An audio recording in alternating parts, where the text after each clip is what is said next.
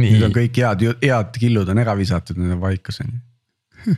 jah, tundub, et äh, Henrik peab ai-d kasutama ja siis genereerima siia algusesse mingisuguse hea, hea killu. tal meie seda heli ja videomaterjali on küll, et võiks nagu saada sünteesida.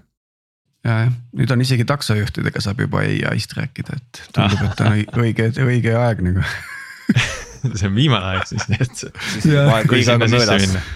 Õige aeg on möödas. õige aeg on möödas jah, et äh, peaks midagi ai-ga ostma midagi. meil tuleb varsti episood ai-ga mm. -hmm. Ah, isegi või? jaa, väga lugupeetud ai peab olema siis kindlasti on, kindlasti on. nii, aga teeme siis, siis tänase episoodi ära.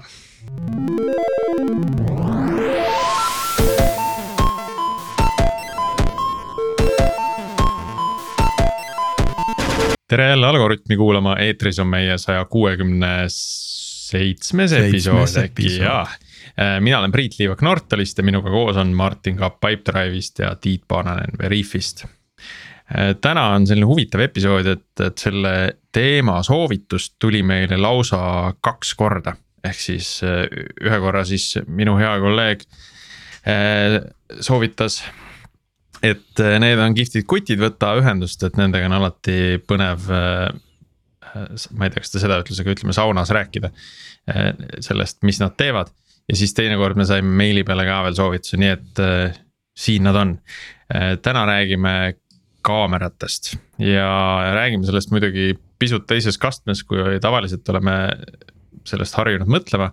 et, et selline tõsine deep tech asi on tulemas.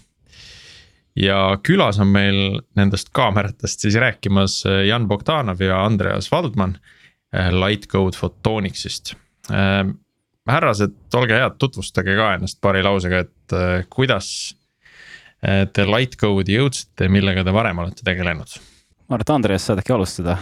Lightcode'i jõudsin niimoodi, et ja Jan samamoodi, et me lihtsalt asutasime selle Lightcode'i ja ja varem mina olen tegelenud füüsikaga, optikaga umbes kümme aastat või isegi natuke rohkem ja, ja sageli sellise optikaga, kus on üks pool on nagu puhast valgust ja optikat ja teine pool on eh, algoritme, andmetöötlust, tarkvaraarendust.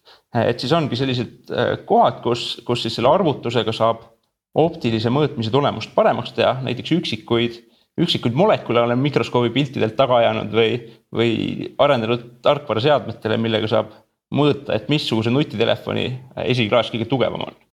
ja noh, mina kogu selle, kuidas noh, kuidas see asutamine käis, natukene oli nii, et äh, ma tegin magistrit Tartu Ülikoolis ja ma olin seotud siis Tartu Ülikooli füüsikalise optika laboriga, äh, kus siis Andreas Valdman oli juba, juba nii-öelda ees enne mind ja tegelikult oli seal laboris veel äh, Heli Valtna ja mitte küll selles laboris, aga siiski äh, Füüsika Instituudis oli siis meie neljas kaasasutaja Sergei Omelkov.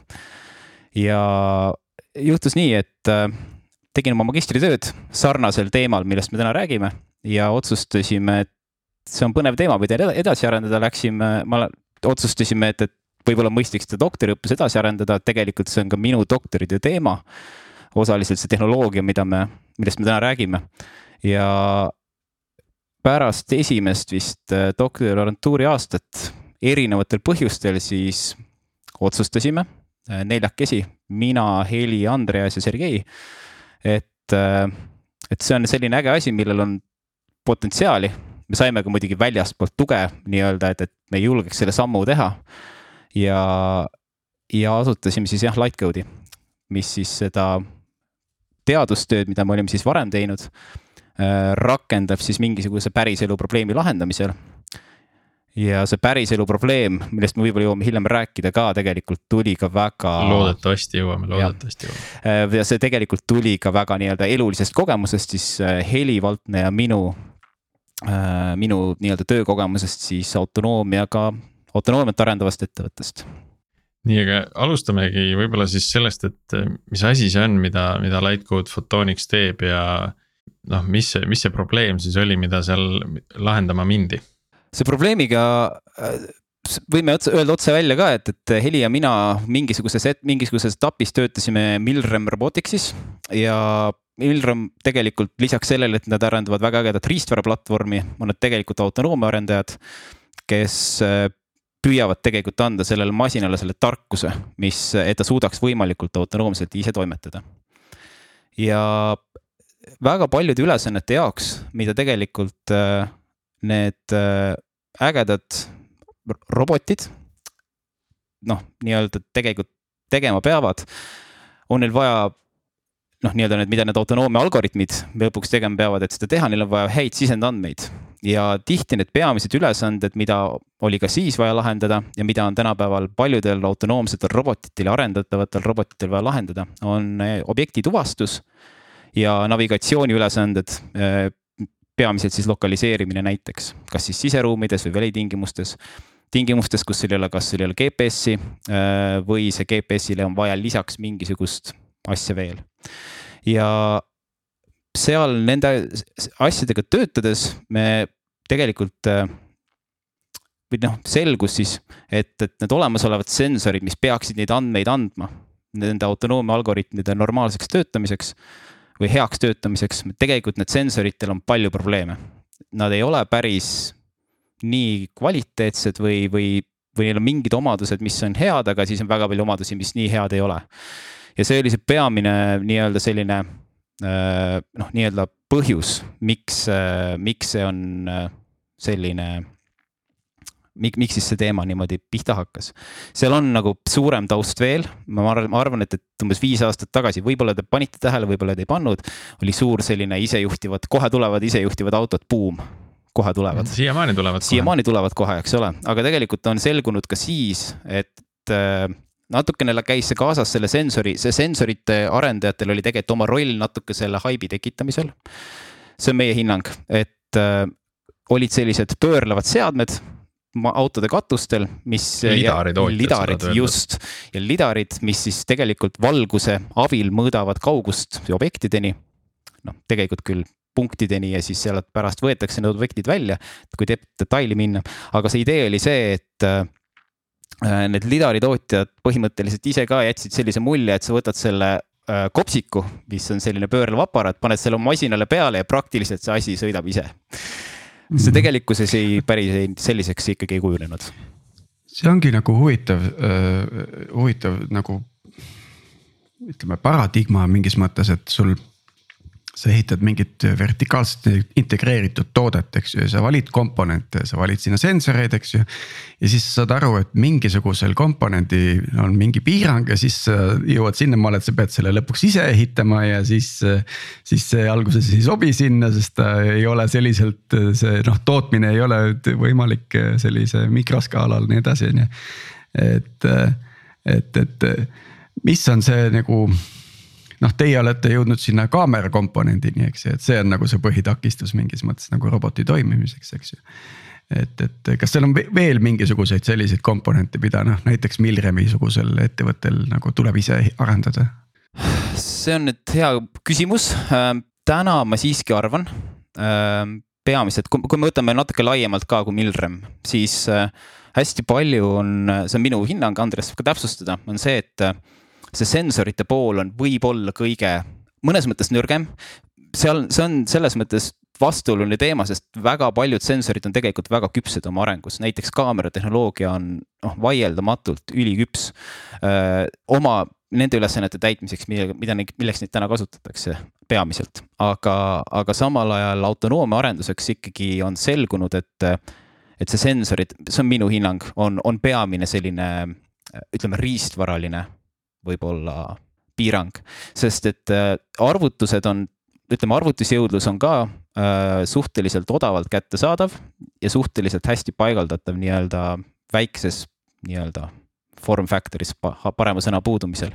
kuigi ka seal on teatavad sellised äh, ikkagi, eriti kui me räägime patareitoitel olevatest robot, robotiplatvormidest, siis päris nii ei ole, et, et ma saan võtta suvalise arvuti ja panna sinna peale, et, et kohe, kui see asi vajab juba väga palju noh, e-, energiat arvutuste tegemiseks, siis hakkab, hakkavad tekkima küsimused, et, et noh, mis, mis mu nii-öelda aku, aku eluiga tuleb selle peale ja nii edasi. ja, ja nii edasi, et selles mõttes see on noh mina või ütleme, meie hinnang on, et täna siiski sellise suurema robotite võidukäigu jaoks mis aitaksid inimestel teha neid ülesandeid, mida me ei taha teha, mis on kallid pikemas perspektiivis, sest inimesed tahavad lihtsalt teha ka paremat tööd või lihtsalt tahavad väärilist töötasu. Või siis need ülesanded, mis on ohtlikud, et, et nende jaoks siiski see sensoorika äh, peab olema parem, see ei peaks olema parem siis, kui meil oleks, see on minu hinnang, äh, see ei peaks olema parem siis, kui meil oleks väga, ütleme, no selline väga päris tehisintellekti lähedane asi või tehisintellekt. aga noh, see on juba selline väga see teema, et läheb Terminaatoriks ära, eks ole, et, et ma noh, inimesed kohanevad väga hästi kõigega, et meil inimesed, kes on kaotanud silmanägemise, äh, tegelikult kohanevad sellega ja saavad elus hakkama. ja noh, meie või, või kellel on, on kuulmisel, kuulmisega küsimusi, et, et nende sensoorika või inimese enda sensorid annavad nagu, me oleme harjunud nendega töötama ja kui me neist isegi midagi ära võtame, siis me nagu kohaneme sellega, aga täna nagu robot ei kohane sellega, et äh, ja noh, see ongi see osa sellest probleemist mõnes mõttes. no sinna me veel jõuame, ma arvan, kogu selles võidukäigus, et kuna see kohanemine tuleb. et, et ka varem oli ju noh, jätsid sinna perfokaardile ühe augu tegemata ja oli kõik asi katki juba, täna noh, enam nii haprad need süsteemid ei ole ja ehitatakse just sellist äh, no nii-öelda turvali-, ütleme turvalisust selles mõttes sisse, et kui, kui andmed on ka rikutud, siis nad on endiselt loetavad ja endiselt tarbitavad ja. sihuke resiliency on. vastupidavust nagu. just. Nii, aga, aga räägime nüüd sellest, mis asi, mis see, mis see kaamera siis on, et. võtame selle kaamera pulkadeks lahti või siis pikseliteks. kuidas see töötab? ma mõtlen korraks, Andreas, kas enne oleks mõistlik rääkida konkurentidest ka natukene või pigem lähme kohe nii-öelda asja kallale? Lähme asja kallale ja siis räägime konkurentidest Äh, ehk siis, et. ma tahaks, sellest ärist tahaks ka rääkida, aga noh, et siis tulebki konkurentid, aga jõuame selleni veel äh, lõpupoole. räägime selle põneva asja ära. kui Jan juba enne lidaritest rääkis, äh, siis lidarid selles mõttes on head, et nad suhteliselt kaugetest objektidest saavad pildi kätte küll. aga, aga seesama suur tünn, et üks ongi, et ta on suhteliselt suur, ta pöörleb, seal on selline kiiresti pöörlev komponendid sees, mis samas on suhteliselt õrnad, et nad võivad katki minna ja nad on kallid ka. ja selles mõttes see, mida meie teeme, on, on ikkagi noh, palju sarnasem kaamerana äh,, kaamerale, ehk siis nii nagu tavalises kaameras, meil on välklamp äh,, meil on objektiiv ja meil on sensor. siis need põhikomponendid on, on täpselt nagu tavalises kaameras. aga selle sama lidariga meil teatavaid sarnasusi siiski on äh,. ja, ja sarnasus on selles, et me kuidas me saame teada objektide kauguse, on see, et me mõõdame, kui kaua äh, kulub valgusel, et jõuda selle objektini ja sealt tagasi tulla. ehk siis me panemegi oma selle välklambi, milleks on noh, laser meil, me paneme ta lühikeseks ajaks tööle, sealt valgus levib objekti peale, peegeldub sealt tagasi ja siis võtame selle kaamera poolega vastu seda valgust. oota, aga laser on suht kitsas kiir, et see vist peab käima päris, vaatama Aha, nagu igale poole hästi kiiresti. seda, seda tavaliselt mõeldakse küll, et laser, jah, et laser ja laser pointerid, et see on, laser oleks justkui alati selline kitsas kiir. aga, aga tegelikult laseriga saab äh, laia ala ka valgustada, et noh, suhteliselt lihtsalt, üks võimalus on sinna laserile lihtsalt lääts ette panna teisi variante ka, et, et äh, kui see laser näiteks sellisest äh, hajutajast või noh, põhimõtteliselt võib mõelda selline nagu piimias klaas või selline vannitoaklaas, eks, et kui sellisest läbi lasta, siis, siis see laser kiir läheb ka laiemaks ja, ja on ka selliseid hajutajaid olemas, äh, mis siis on, on spetsiaalselt disainitud niimoodi, et sa lased sinna ümmarguse valguse kiire sisse ja välja tuleb näiteks selline ruudukujuline või ristkülikukujuline kiir või, või siis selline nii-öelda valgus läheb laiali. selle idee ongi, et, et kui meil on see kaamera vaateväli, et siis meil kasutaksime seda valgust võimalikult efektiivselt ära, et see valgustatud ala on täpselt parajasti nii suur, kui meil see kaamera pool äh, vaatevälja mõttes näeb. veel korral täpsustav küsimus, et see laser on siis sellisel sagedusalal, mida inimsilm nagu ei näe või? täpselt nii, et, et see laser ise on infrapunane. et, et see inimsilm ei näe, mis ta teeb ja, ja teine asi on selles ka, et, et kui me valgust vastu võtame, siis me võtame vastu ainult seda laseri enda valgust tänu sellele, et me värvi järgi filtreerime ülejäänud valguse välja. aga loodus, noh, kellel on võib-olla teine mingi diapasoon, et need pimestatakse ära siis? või, või siis ka, ka loodus ju, kas ei kiirga infrapuna mingitest kohtadest või, seda ei ole olemas. Ta vaatab ainult väga kitsast sagedust, vaata, tal on lihtne sellega. aga nüüd me hakkasime siin solution. pimestamise kohta, mis ma tahtsin vahele öelda, et ja seda me väga hoolikalt muidugi järgime, et, et see kõik oleks silmaohutu ja, ja see laseri võimsus on parajasti piisavalt väike, et ta inimsilmale midagi kahjulikku ei tee ja ka ja ka loomasilmale siis. Tiit, vastates su küsimusele, et moskiitod, vampiirnahkhiired, voodiputukad mm, -hmm. mõned ussid ja, ja põrnikaliigid tajuvad teatud spektrumeid mm. -hmm no et, ma räägin, ikkagi tõsise, tõsine seltskond. ei no see võib olla hea, sa võtad selle roboti majja ja pole sääski ka kodus aias. seda no. küll jah. okei, Mosquito on veits teine liik see, vot see ongi see, see on see sääseterminaator nagu, et sa lähed. ja ei, seda Martin, seda sääseterminaatorit sa pead otsima. Äh, netis oli mingisugune TED Talk selle kohta, kuidas äh, laseriga lasti kas siis emaseid moskiitosid alla ja tuvastati heli kaudu see sugu ja positsioon ja siis. et kasutatakse seal kuskil Aafrika riikides mingite haiglate ümbruses, kus seda malaariat ravitakse, et siis hoitakse mingi perimeeter puhas nendest potentsiaalselt haigust kandvatest putukatest. sellest peaks ka ühe episoodi tahaks teha, päris põnev teema Äh, nii, aga Andres, sorry, ma katkestasin sind nüüd, et me rääkisime äh, sellest, äh, mis spektriga see, see laser seal siis täpselt on ja keda ja kuidas jah, see mõjutab. täpselt, et see oli, see oli siis infrapunane valgus, mida, mida inimene ei näe. ja tulles siin tagasi selle juurde, et kuidas me objektide kauguse saame kätte, see ongi, et samal ajal, kui me selle laseri impulsi välja saadame, siis me paneme kella käima ja siis, kui meil kaamera poolt äh, valgust äh, tagasi jõuab, siis me footoni ära detekteerime, siis me paneme kella kinni. ma kohe küsin vahele, kui väikest distantsi on niimoodi võimalik mõõta? täpselt, äh, meil nii-öelda lahutuskauguse mõttes on umbes sentimeetri suurusjärgus, sentimeeter, paar sentimeetrit huh ja täpselt ja, ja see, see, see kell peabki väga täpne olema, sest kui mõelda, et näiteks, et kui meil sellest kaamerast objekt on kümne meetri kaugusel. Eh, siis selle aja, selle aja jooksul, mis valgusel kulub, et sinna objektini jõuda ja tagasi tulla. näiteks püssikuul on jõudnud eh, lennata vahemaa võrra, mis on võrdne juuksekarva paksusega. ja ja, ja see, ja see kell peab isegi veel täpsem olema, et, et kui vormel ühes mõõdetakse tuhandik sekundi ehk millisekundi täpsusega, eh, siis meil see ajaline täpsus on umbes üks kümne miljardik sekundist. ehk siis veel kümme miljonit parem kui, kui selline hea, nii-öelda tavamõttes hea kell. mis see on see mingi Pikko või? Ei, oota. täpselt, täpselt jah, peaaegu selles mõttes, et äh, miljardiks sekundit on, on nanosekund äh,. ja, ja meie äh, ja veel siis äh, sellest äh, tuhat korda lühem on pikosekund ja meil siis ajaline täpsus on umbes, umbes sada pikosekundit päris palju mõõtmisi oleks Vägev. saanud teha selle väikse pausi ajal, mis me just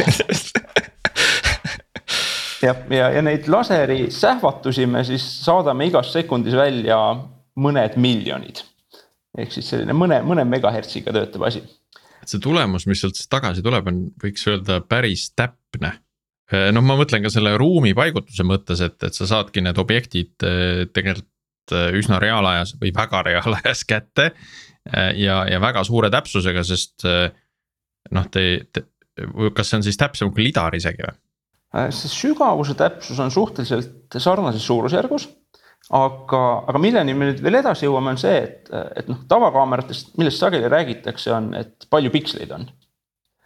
ehk siis, et noh, täpsuse mõttes ja lahutuse mõttes, et, et mitu pikslit on, kui väikseid objekte me näeme.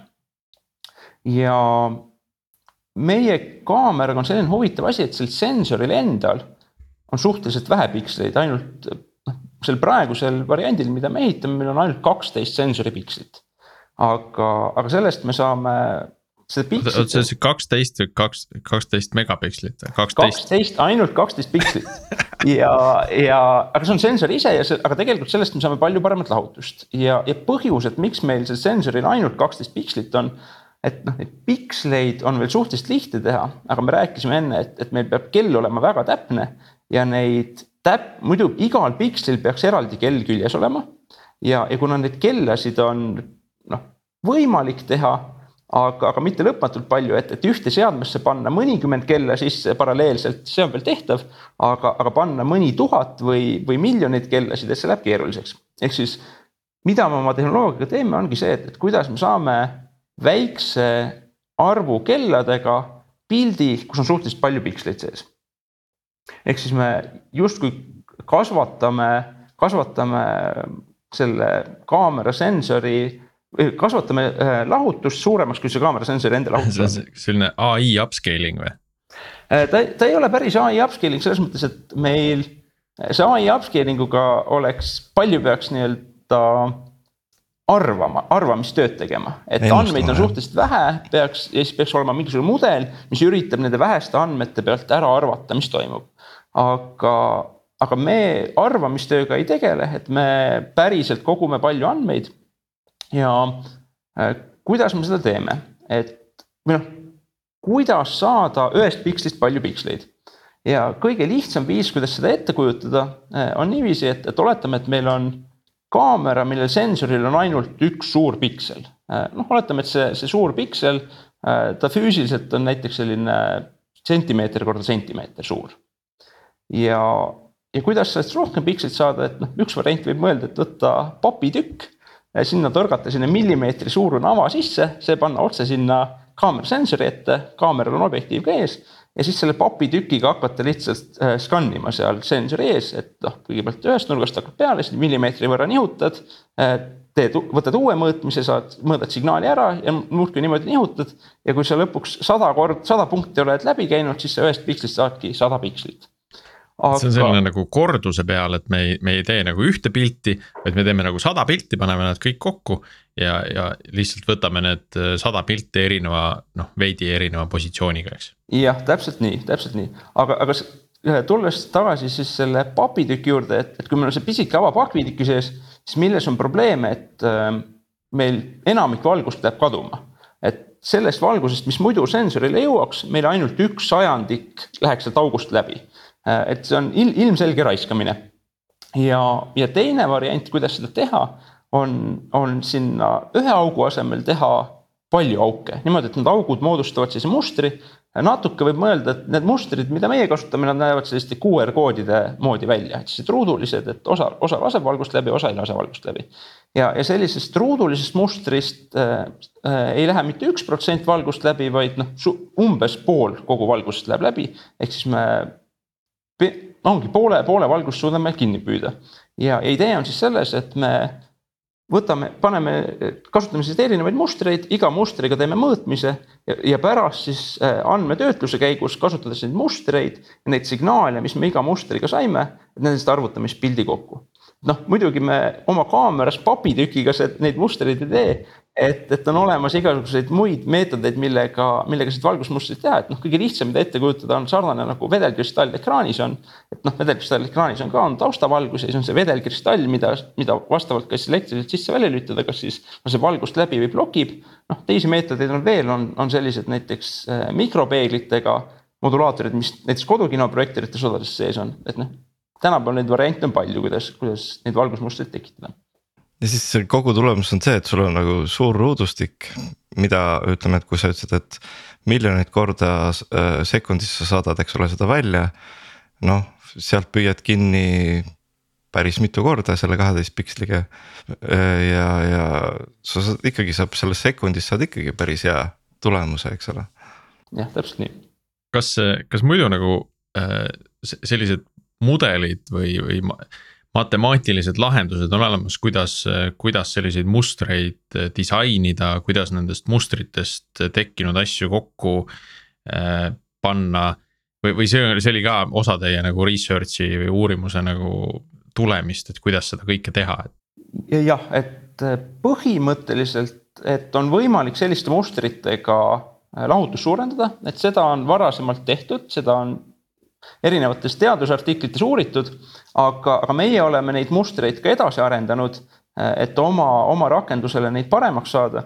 ja, ja üks äh, lisavõimekus, mis me oleme saanud tänu sellele, on, et me näitame samu mustreid, aga nendest samade mustrite andmetest me saame samaaegselt kaks erinevat siis pildivoogu välja ja üks pildivoog on selline, kus lahutus on suurem ja kaadrisagedus on mõnevõrra väiksem ja teine on selline, kus on kaadrisagedus suurem, aga lahutus väiksem. ehk siis äh, kui, kui rakenduse peale mõelda, siis on selline, et, et kui meil on robot, mis näiteks navigeerib, et siis kui ta ümbritsevas maailmas navigeerib, siis tal on vaja head lahutust, et aru saada, mis tal ümber on. aga nii oluline ei ole see, et, kui kiiresti see info tuleb ja samas, kui keegi sinna ette astub siis ei ole nii oluline teada, et mis kujuga see etteastuja täpselt on, aga, aga neid andmeid on kiiresti vaja vot siin ma, ma olen veel selles makromaailmas kinni, et äh, noh, ütleme avasuuruse ja seriajaga, mis on sisuliselt teil see filter seal ees, eks ju, see on see ava nii-öelda. sa, sa saad selle sügavuse kätte või siis selle teravuse laias diapasoonis, eks ju. kas see on nagu siis tarkvaraliselt tekitatakse see pildi teravus jah, siin ongi kaks komponenti oli, et sügavus tuli aja mõõtmisest mm. -hmm. ja siis see pildi teravus, et, et noh, kui me vaatame seda pildina näiteks äh, sügavuskaardina või noh, sellise sarnaselt tavalise kaamera pildile ja siis, et see, et kui palju tal piksleid on, selles mõttes teravus tuleb jah, sellest meie tarkvarast ja, ja sellest, et kui palju ette erinevate mustritega me mõõtmisi teeme lihtsalt täiendada veel seda ka, et noh, see nagu Andres juba ütles, need mõõtmised on deterministlikud, ehk siis see ei ole mingit pikslite juurde mõtlemist seal ei ole. Äh, me kogume neid andmeid päris füüsiliselt mõõdetud andmete põhjal. aga jah, me peame, meie nii-öelda see, see trikk on see, et me peame tegema selle arvutuse selleks, et saada see lõppkujutis. see, see siis äh, kahe või kolmemõõtmeline kujutis ja, ja see arvutuse pool ongi see tegelikult see tarkuse pool ka, sest see mõnes mõttes lisab küll mingi sammu, aga samal ajal see võimaldab lihtsustada riistvara ja, ja muuta nagu paindlikumaks seda, seda tarkvaralisemat juhtimist mingil määral. ehk siis seal on nagu selliseid erinevaid aspekte veel palju. ma nüüd veel nagu puurin siia sisse, et, et ütleme, et on väga tugev valgus ehk siis väga tugevad varjud objektidel. see võib natukene tekitada selles kujutises moonutusi. aga sügavus äh.... lidariga on lihtne, tema nagu kas saab pihta või ei saa, eks ju, et. kas sa nende kas see nende varjude all?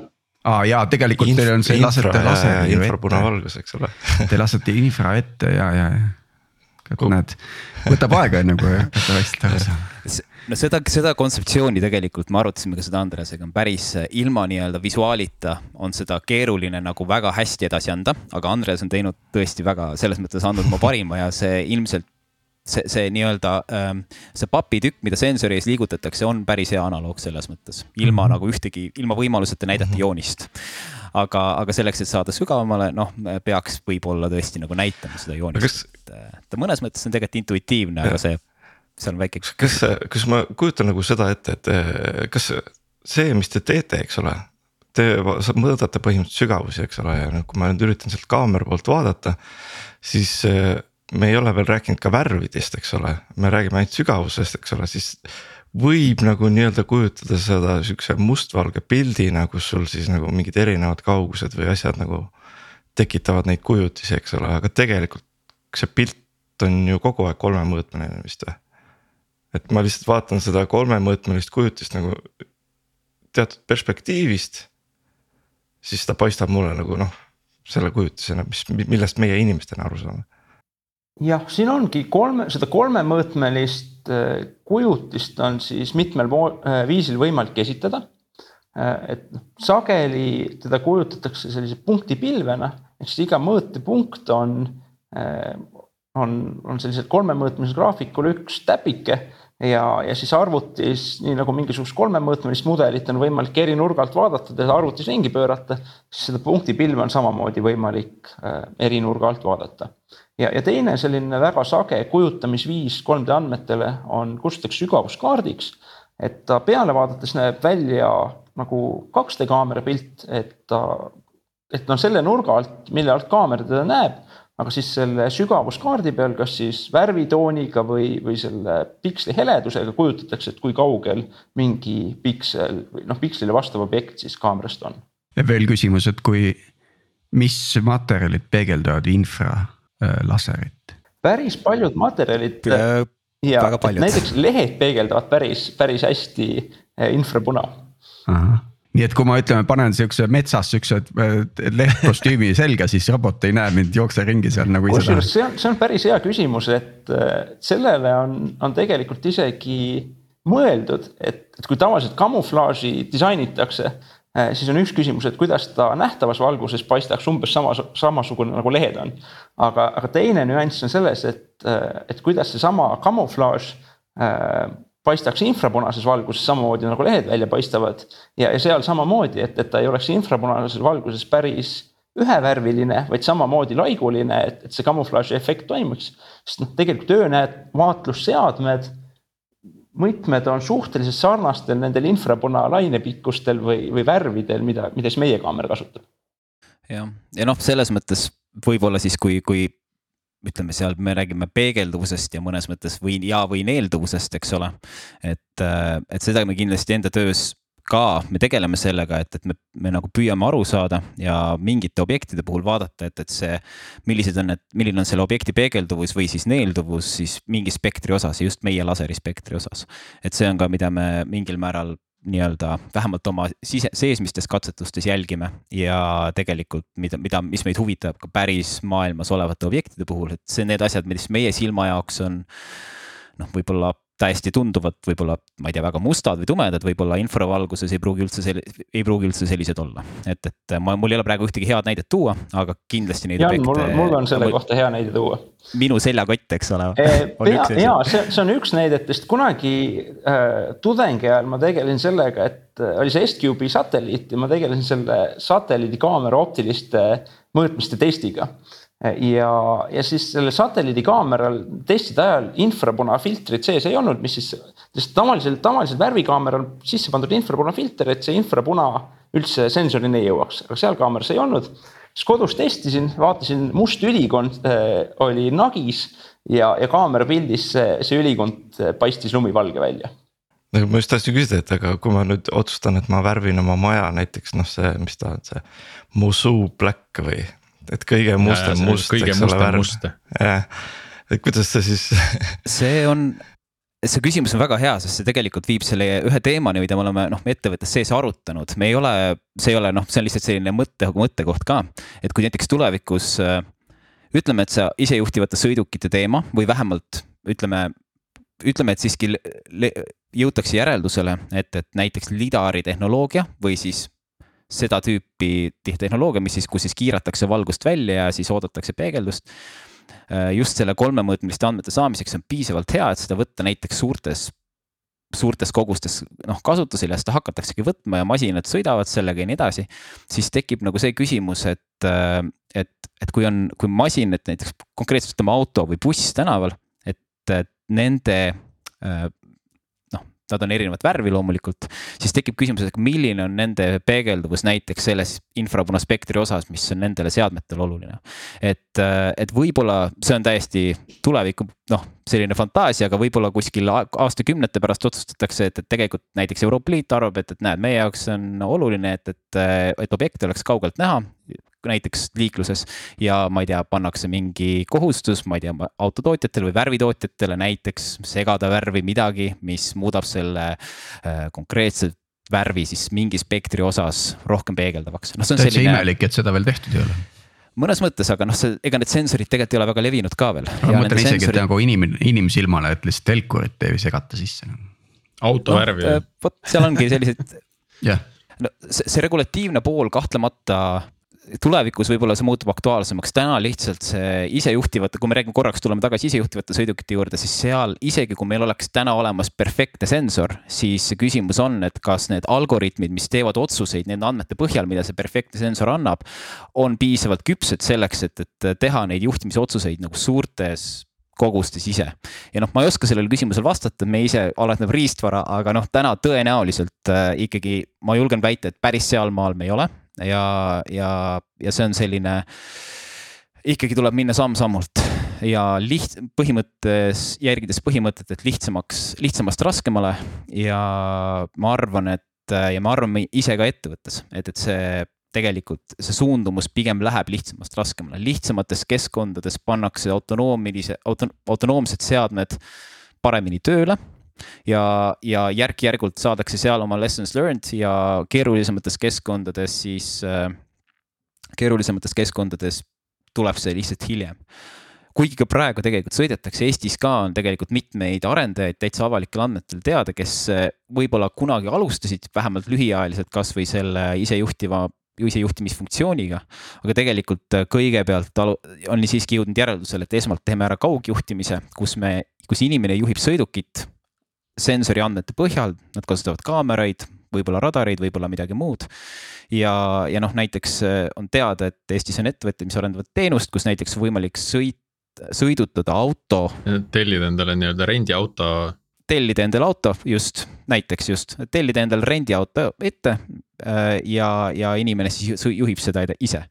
seal on palju kindlasti noh, ka seal on palju arendustööd, aga see on esimene nii-öelda, kui see läheb tööle, siis on vähemalt see asi tõestatud, et kui masinad hakkavad ise sõitma, siis tõenäoliselt järk-järgult ikkagi inimesed ise äh, vähemalt üks inimene vähemalt mitme masina peale ikkagi nagu on fallback'ina olemas. kui midagi juhtub, siis inimene on valmis üle võtma ja kui, kui selle me suudame ära tõestada, et inimene on võimeline nagu kaugelt sellist sõidukit juhtima täiesti liikluses ja ohutult, siis tulevad järgmised sammud juba ka, et me saame anda neile järk-järgult, me julgeme anda neile autonoomiat, seal tekib väga palju ühiskondlikke küsimusi, et, et, et kas me üldse julgeme lubada neid liiklusesse niimoodi, siin on olnud Tesla full self-driving uga on olnud küsimusi ja, ja ka teiste, Hiinas on ka mingeid ettevõtteid, kes on proovinud autonoomiat arendada. et kui seda regulatsiooni poolt ka väga ei ole, siis selle inimeste skepsis või esimesed halvad kogemused võivad selle tehnoloogia arengut pikemas perspektiivis no, piirata. aga sellest tehnoloogiast läheb jutt kaugele. Nagu, see on nagu hea koht, kus nagu ettevaatlikult lähenetakse, on ju. samas sotsiaalmeedia võeti nagu kahe käega vastu ja ja see, ma ei, ma ei ütleks, et see meid nagu väga heasse kohta on toonud. no see võib veel rohkem õnnetusi tekitada, kui see üks sõitev auto siin tänava peal, eks ole. just, aga noh, see läheb juba sellisteks äh, vanameeste jorinaks ära, et äh, mis me. ja, ja ärme jorise rohkem, ma tahtsin küsida selle patendi kohta, et te olete, teil on oma tehnoloogia peale tehtud patent, eks ju, mis põhimõtteliselt avalikustab selle sisu poole, aga kaitseb teid siis selle nii-öelda noh, kuidas ta siis kaitseb, mida kuidagi ta peab kaitsma, eks ju. et, et kuidas see protsess välja nägi? kuidas teha üldse sihukesele asjale patenti nagu? noh, patendiga ma võin, kuniks Andreas mõtleb, patentidega on nii, et äh, noh, me ei saa patenteerida asju, mis on juba üldteada või mis on teaduses avaldatud.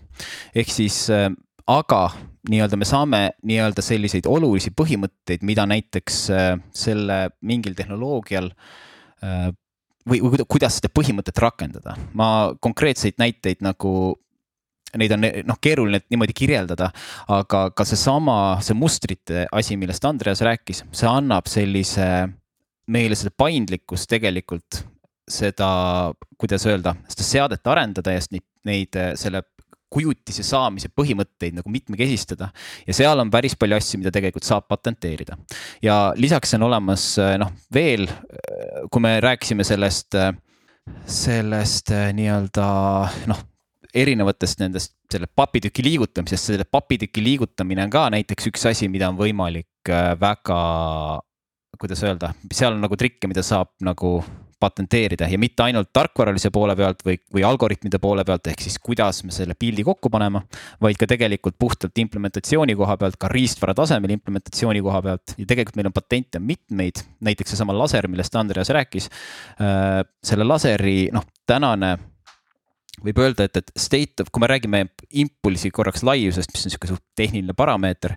Äh, ehk siis me tekitame valgusimpulsse, mille ajaline kestus on äh, noh, suurusjärgus selles, ütleme suurusjärgus nanosekund või natuke rohkem või natuke vähem, siis võite ette kujutada, et, et see üks valgusimpulss, mis kaamerast välja lendab, on ruumis, footonid paiknevad umbes kolmekümne sentimeetrisel alal. Te võitegi niimoodi umbes mõelda, et, et see on selline hästi, kui seda proovida visualiseerida, et see välklambi välk on selline kolmekümne sentimeetri äh, pikkune äh, footonite massiiv, mis äh, jõuab stseeni ja tuleb sealt tagasi.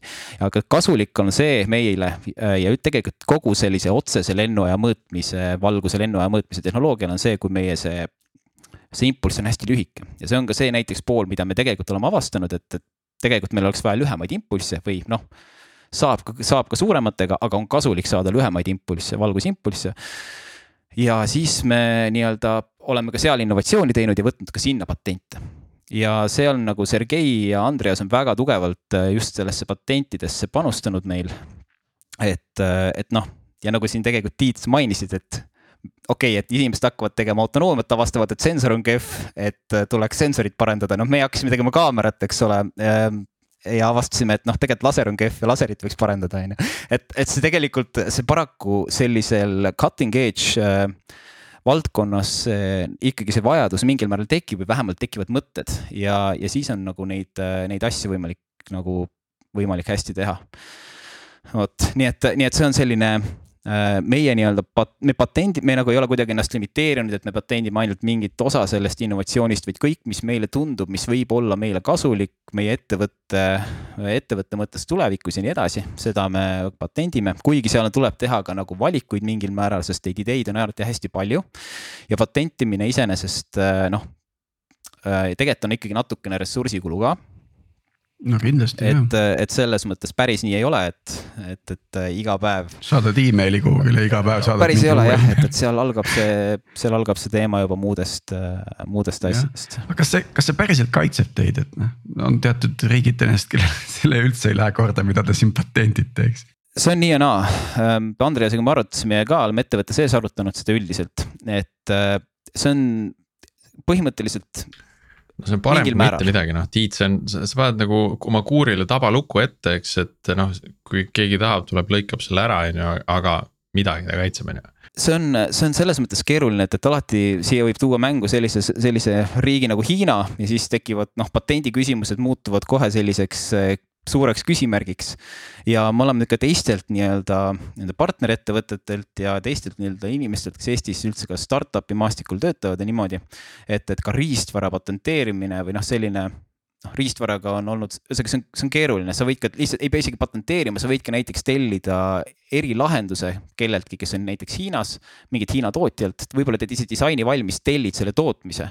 ja siis sa avastad ühel ja, hetkel, et see ettevõte läheb kinni ja sulle müüakse kuskilt mujalt seda, no lihtsalt jah, et, et, et see ei ole, see ei ole nagu sajaprotsendiline kaitse, aga mingisugune ikkagi patendid, ütleme äh, läänemaailmas ikkagi midagi tähendavad ja, ja seal on hea nii-öelda ettevõtte väärtuse mõttes see ka, ehk siis äh, ikkagi ka ja see on ka indikatsioon sellest, et sul on mingisugune intellektuaalomand, mis, äh, mis on täiesti sinu oma. midagi uut, jah, midagi, mida varem ei ole tehtud, et see on selline, äh, see on selline pool vaata, kui sul on patent ja isegi kui Hiinas siis toodetakse kellelegi teisele firmale, eks ole, võib-olla noh, et mingit sedasama komponenti, mis teie kasutate, on patenteeritud. ja kui see peaks välja tulema ja noh, kõige suurem tarbija ja, ja on ikkagi läänemaailm. Äh, siis seal on võimalik juba noh, ütleme niimoodi, et see kompensatsioon nõuda kasvõi läbi selle, et. okei okay,, see on tehtud, aga see on tegelikult meie tehnoloogia või siis teie, noh teie see patendid ja siis äh, noh, midagi just, vähemalt tagantjärgi kasvõi. just, just. mind huvitab see lugu ka, kuidas te nüüd sellest kohvrist sinna tikutopsi saate, et. tikutopsist ta veel ei ole. Äh, see kohver, ei tikutopsist meil veel ei ole. kaks tuhat kakskümmend neli oli see target, ma lugesin. no see on target, äh, ütleme nii, et siin meid mingil määral mõjutavad ka tegelikult need üleilmsed riistvara küsimused, tarneküsimused vahepeal mõjutasid ja, ja see noh, see tegelikult tõenäoliselt on natuke pikem, see oli meie nii-öelda, see võib olla natuke vanem info, see kaks tuhat kakskümmend neli. aga see, see, ütleme see, kui me räägime sellest kohvrist, mis oli tegelikult elektrikapp, siis me tegelikult oli nii, et äh, me ülikooli laboris, meil oli optiline laud, äh, seal olid peal peeglid, viiekümne tuhandesed laserid ja nii edasi. Äh, me kolisime selle sellesse äh, kohvrisse, et, et, äh, et, et saaks nii-öelda natuke seda liigutada ringi äh,. ja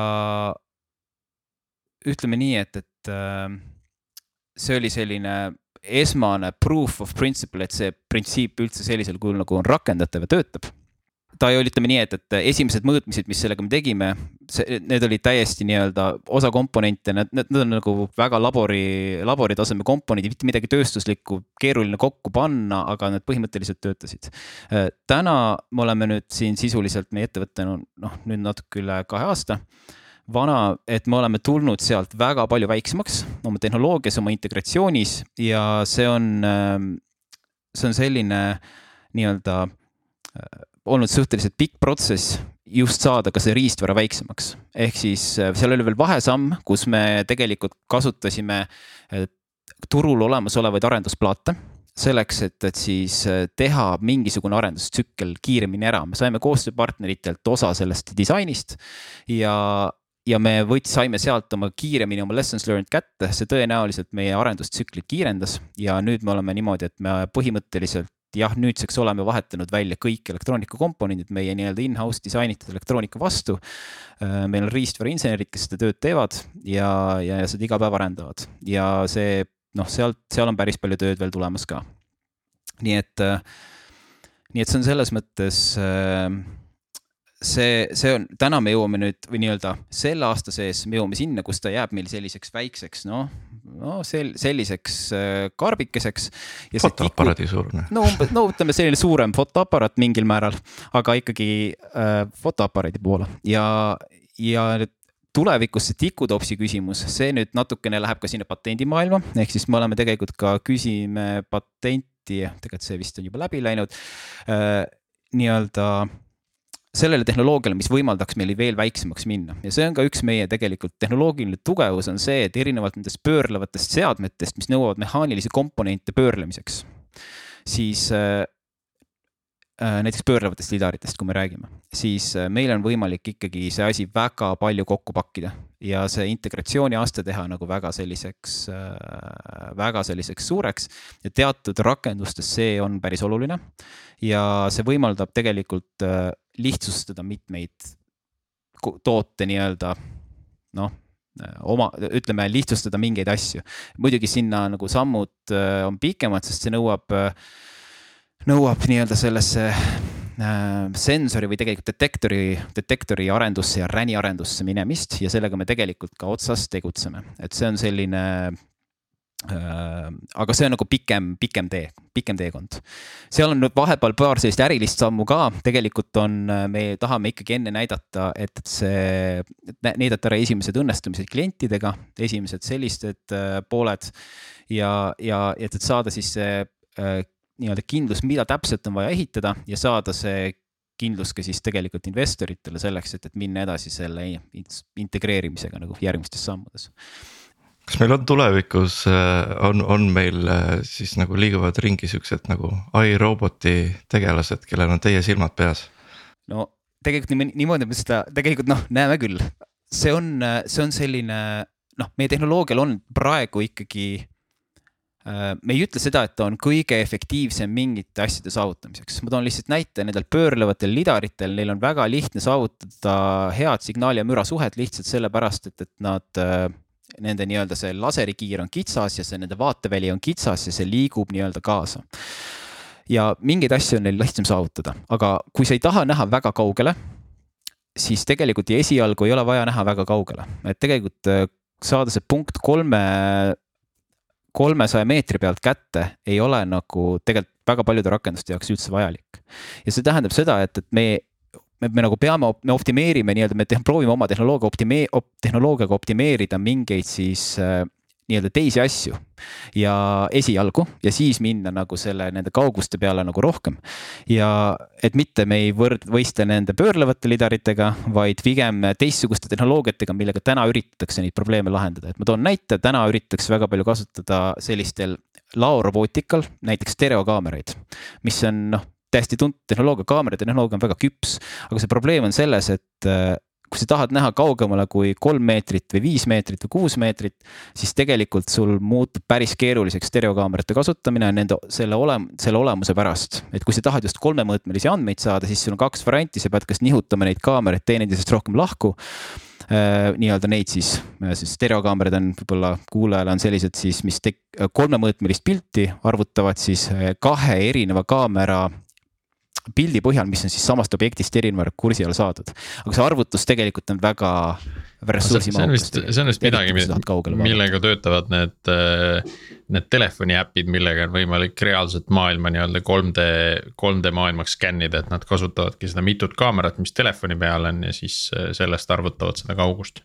jah, see natukene äh see on võib-olla natuke keerulisem, sellepärast et sõltub, millist, millist telefoni mõelda, kui me räägime näiteks iPhone'ist, siis iPhone reaalselt kasutab ka lidari tehnoloogiat selleks, et, et saada mingisugusel hulgal punkte äh, sellest maailmast, mida nad vaatavad ja nad kasutavad kaamera tehnoloogiat lisaks sinna veel juurde.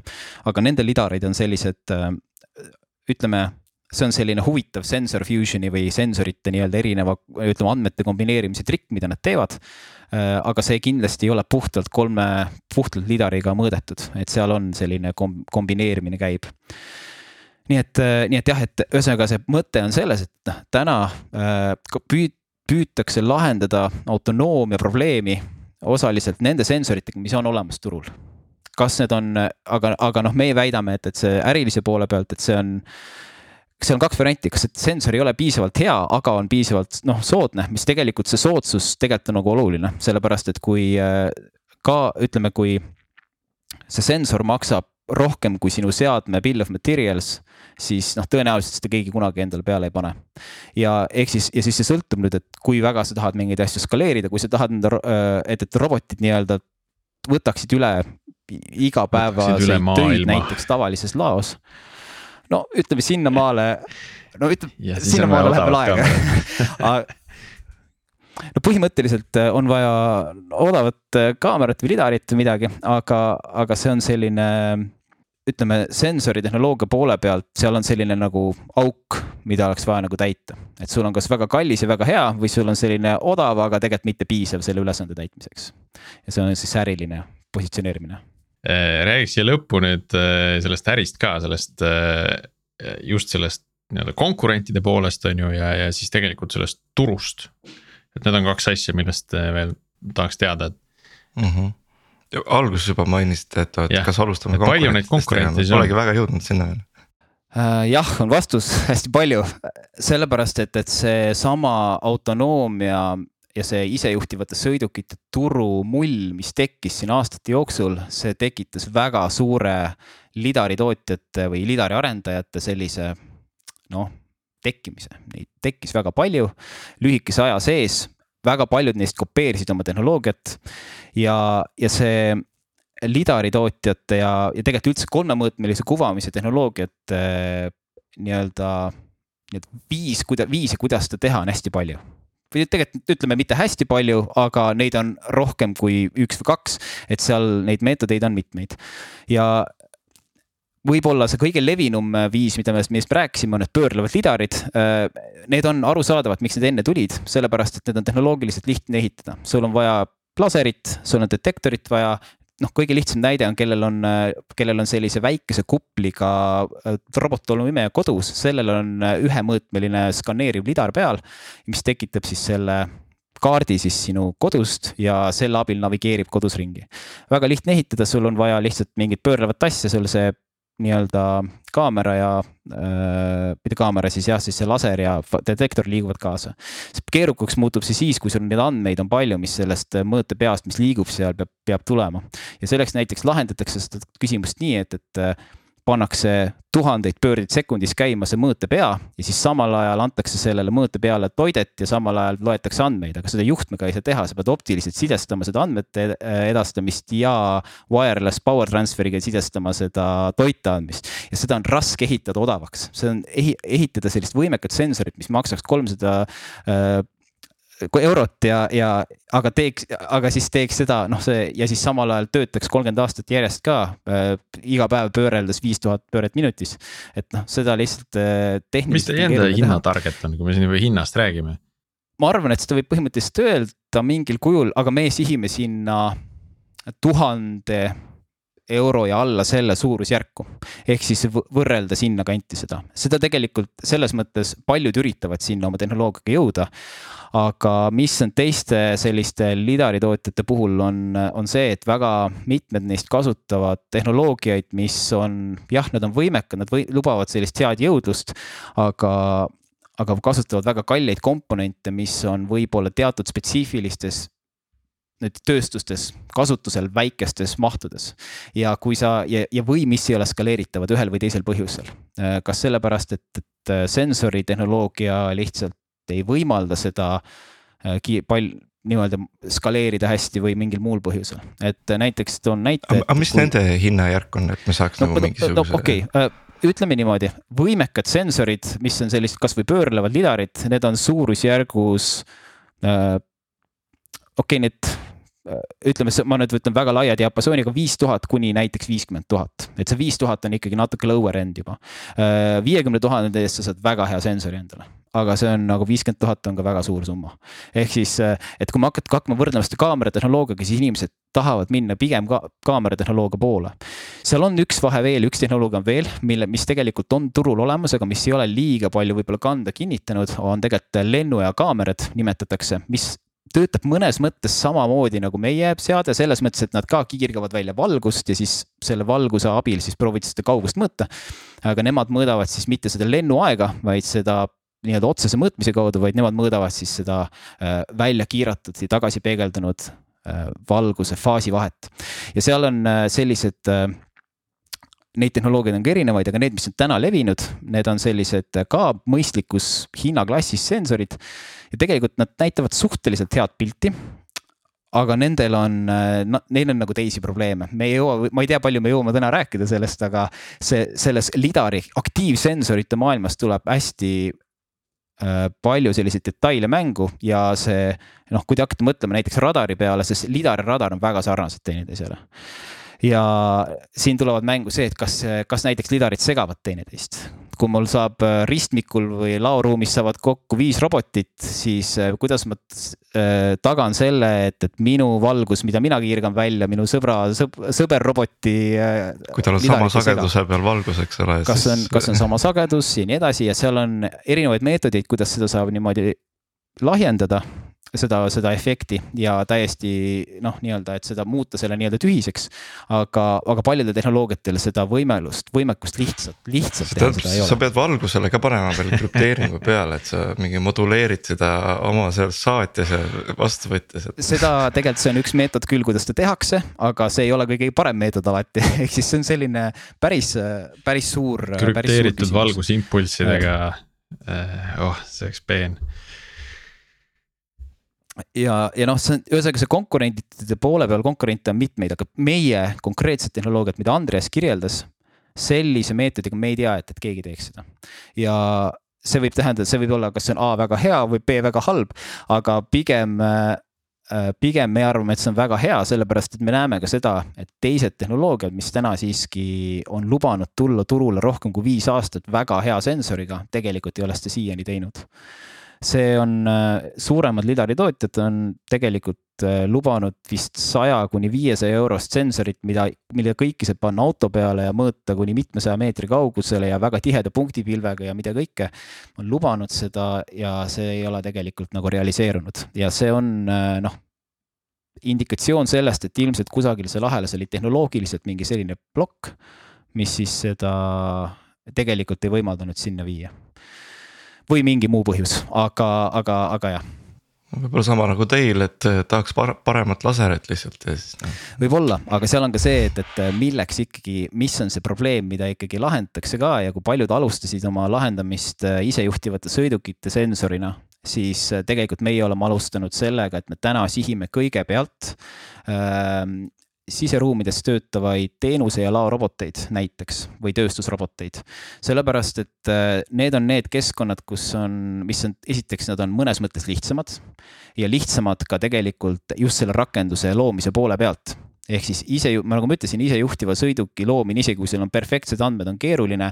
aga panna robotit navigeerima siseruumides, kui sul on perfektsed andmed, on tegelikult täiesti tehtav ülesanne kas, kas see Boston Dynamicsi kutsu on, on rohkem nagu ise, iseliikuv sõiduk äh, väli, väliskeskkonnas või siis nagu siseruumis, et noh, nemad ka sihivad ju sellist.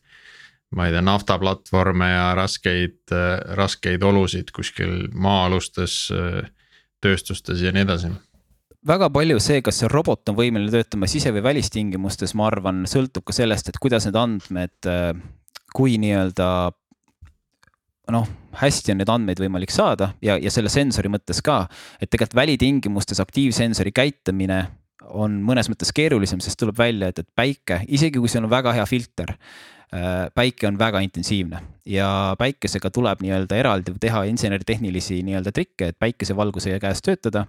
see on kõikide aktiivsensorite tootjate puhul täiesti, arendajate puhul täiesti nii-öelda nagu teada asi. ja, ja noh, see, kas siseruumides seade töötab või mitte, noh, see ongi võib arvata, et kaameral seda probleemi ei ole, sest kaamera ei ole aktiivsensor, aga tegelikult tuleb välja, et valgustingimuste muutumine kaameratel on ka tegelikult päris suur probleem kui sa tahad näiteks teha navigatsiooni, kui sul näiteks tuleb ühel hetkel mingi valgusekiir kuskile kaamerasse sisse, sa kaotad selle mm, -hmm. kaotad selle ära lihtsalt äh, oma, oma. et see kõlab kõik nii, et laboris töötab kõik väga hästi, sul on üks sensor lihtne keskkond, kontrollitud olud ja kui metsikusse loodusesse jõuad, siis sa avastad, et äh, pagan, need lehed kiirgavad nagu ülihästi tagasi, et. et elu läks kohe keerulisemaks ja kui sinna metsa veel teine robot ilmub, et siis äh, tekib kohe see eh, nii-öelda se-, segajaid juurde, eks ole. no just, aga, aga see, see on selline äh, tehnoloogiliselt äh, arenev valdkond ja, ja noh, nii nagu Andrease, Andrease lausetest tuli välja see, et noh, meil on tegelikult äh, täiesti unikaalne viis, kuidas seda lahendada, siis see, kuidas seda rakendust ehitatakse nende andmete peale, see saab olema ka täiesti noh, nii-öelda omaette teema. ja kogu see, kogu see autonoomia arendus on selline, mis äh,, kuidas öelda äh,, vajadust selle põhjale, vajadust selle järele mm -hmm. on mhm. kindlasti ja seda on, seda on näha nagu sellest ka, et kui palju näiteks on neid laorobootika erinevate robotite arendajaid, et lihtsalt näiteks kui täna inimene läheb internetti, on võimalik leida, ma arvan, suhteliselt lihtsa vaevaga, vaevaga kolmkümmend erinevat äh, sellist just teatud tüüpi äh, robot, ütleme laorobootika platvormi arendajat. ja, ja noh, see on selge, et, et noh, eriti läänemaailmas, kus äh, nii-öelda tööjõud on tööjõukulud on sellised, nagu nad on. nii üha rohkem tekib vajadus selliste tehnoloogiate järele, aga need vajavad häid, noh, terve see nii-öelda see ahel peab tulema kaasa, sul peab olema see robotiplatvorm piisavalt turvaline ja robustne, sul peavad olema need sensoorika peab olema, sul see arvutus peab töötama no,. ja ma ütleks, et see ikkagi algab sealt, et, et sul see sensor peab olema hea, sest kui sul need algandmed, mille pealt sa otsuseid teed, ei ole head. või noh, mida, mida paremad need algandmed on, seda lihtsam on neid otsuseid teha, eks ole, aga nii, aga siia lõppu veel, äh, äh, kas on mingi teema, mida te arvasite, et täna kindlasti, millest te peate rääkima ja mille kohta me veel ei ole küsinud? Ma arvan, et, et äh, millest tegelikult võiks, on hästi, meil on äge, äge, hästi ägedad tehnoloogiad sees meie seadmetes, mida võib-olla inim-, mis võib-olla huvitab, mitte võib-olla kõiki kuulajaid, aga ma arvan, et neid on tegelikult päris palju, et. et ma ei tea, FPGA-d, tahad sa neist paar sõna äkki öelda? jah, täpselt, et ähm, me kasutame siis sellist tehnoloogiat nagu FPGA inglise keeles on Field Programmable Gate Array. üks eestikeelne vaste, mida ma olen kuulnud, on pro programmeeritav ventiilmaatriks. aga mis, mida, mida, mis see siis täpselt tähendab, äh, on see, et, et kui me võtame kas arvutiprotsessori või sellise mikrokontrolleri, mis näiteks kuskil Arduino peal on, äh, et sageli nad, nad teevad ühte asja ja nüüd ongi, et kui meil on vaja mingit väga spetsiifilist arvutust teha paralleelselt ja väga kiiresti, eh, siis, siis eh, sellest tavalisest protsessorist ei pruugi eh, piisata. ja üks võimalus selleks ongi need, needsamad FPGA-d, mis on sisuliselt selline protsessori laadne kiip, mis koosneb siis erinevatest loogikalülitustest, kus iga loogikalülituse vahel olevaid ühendusi on võimalik ümber seadistada. ehk siis, kui, kui selle protsess, eh, ma tooks sellise võrdluse näiteks, et, et kui protsessor on selline ähm, hea käsitööline, kes suudab mis igas, mis iganes ülesande ära lahendada, kui sa talle äh, selle õige ülesande kirjelduse ette annad äh,, siis see FPGA on pigem nagu äh, tootmisliin, et seal on palju komponente, ühest otsast lähevad andmed sisse. see on nagu selline seadistatav tootmisliin lausa, et sa, sa paned seadistabki ta ära ja siis ta teeb seda asja väga efektiivselt. jah, täpselt nii ja, ja see, neid FPGA-sid me kasutame nii äh, siis nende täpsete kelladena kui ka selle, noh see arvutus, mis meil pärast on, et pilt kätte saada, selle arvutuse kõige raskemates kohtades, et noh, hetkel meil on kaks eraldi FPGA-d. meil on plaan need ühe, need funktsioonid ühe peale kokku panna ja, ja tegelikult sellest üks samm veel edasi eh, on see, et kui me väga täpselt teame, et, et kuidas meie need algoritmid töötama peame, peavad, oleme kõikidest äh, bugidest sealt algoritmist lahti saanud. et põhimõtteliselt, et, et kui see äh, püsivaraarendus on valmis, siis seesama FPGA seadistus, selle asemel on võimalik teha täiesti eraldi mikrokiip. Neid kutsutakse asikuteks, mis siis teevad neid samasid arvutusi veel kiiremini, palju väiksema energiakuluga ja, ja suures koguses neid on veel odavam toota ka et see on selline pilt, mida me eh, pikema aja jooksul vaatame, et praegu arenduse mõttes meil need FPK-d on väga head ja siis tulevikus läheksime täiesti eritellimusel kiibi, kiibi valmistamise suunas. kõlab väga lahedalt. puhtjuhuslikult ja puhtjuhuslikult, kui kuulab keegi, kes tahaks tegeleda selle arendusega äh,, siis äh, meil peaks olema vist Andres saad mind parandada, aga meil peaks olema täiesti seal nii-öelda vakantne koht. jah, äh, oodatud inimene. eks me jah, täpselt me otsimegi juurde, otsime nii äh, just nende samade FPGA-de arendamist, aga, aga tegelikult ka üldisemalt äh, püsivara tiimile juhti äh,, kes siis seda püsivara äh, arendust meil äh, uue hooga edasi veaks just, et see on lihtsalt selline väike, kellel on, kellel on huvi arendada, kellel on huvi, huvi are, arendada just sellist kõrgtehnoloogilist nagu süsteemi ja võib-olla osaleda ka tegelikult selles, nagu Andres ütles, selles nii-öelda räni arenduses hilisemates etappides, et see on. Äh, see on väga pull, et me, mul, mulle hästi meeldib, et me oleme Algorütmis saanud hästi palju rääkida äh, just sellisest riistvara lähedastest äh, teemadest, millest sageli äh, sageli ei räägita, et, et kui, kui ka räägitakse tarkvara startup idest ja äppidest ja. ja, ja sellest nii-öelda fungi maailmast, noh, et seal on, kõik on puhtalt selline kood ja server ja. aga, aga just see riistvaralähedane arendus, noh, Starship on olnud äh, Eestis äh, üks, üks väheseid selliseid tuntud nimesid.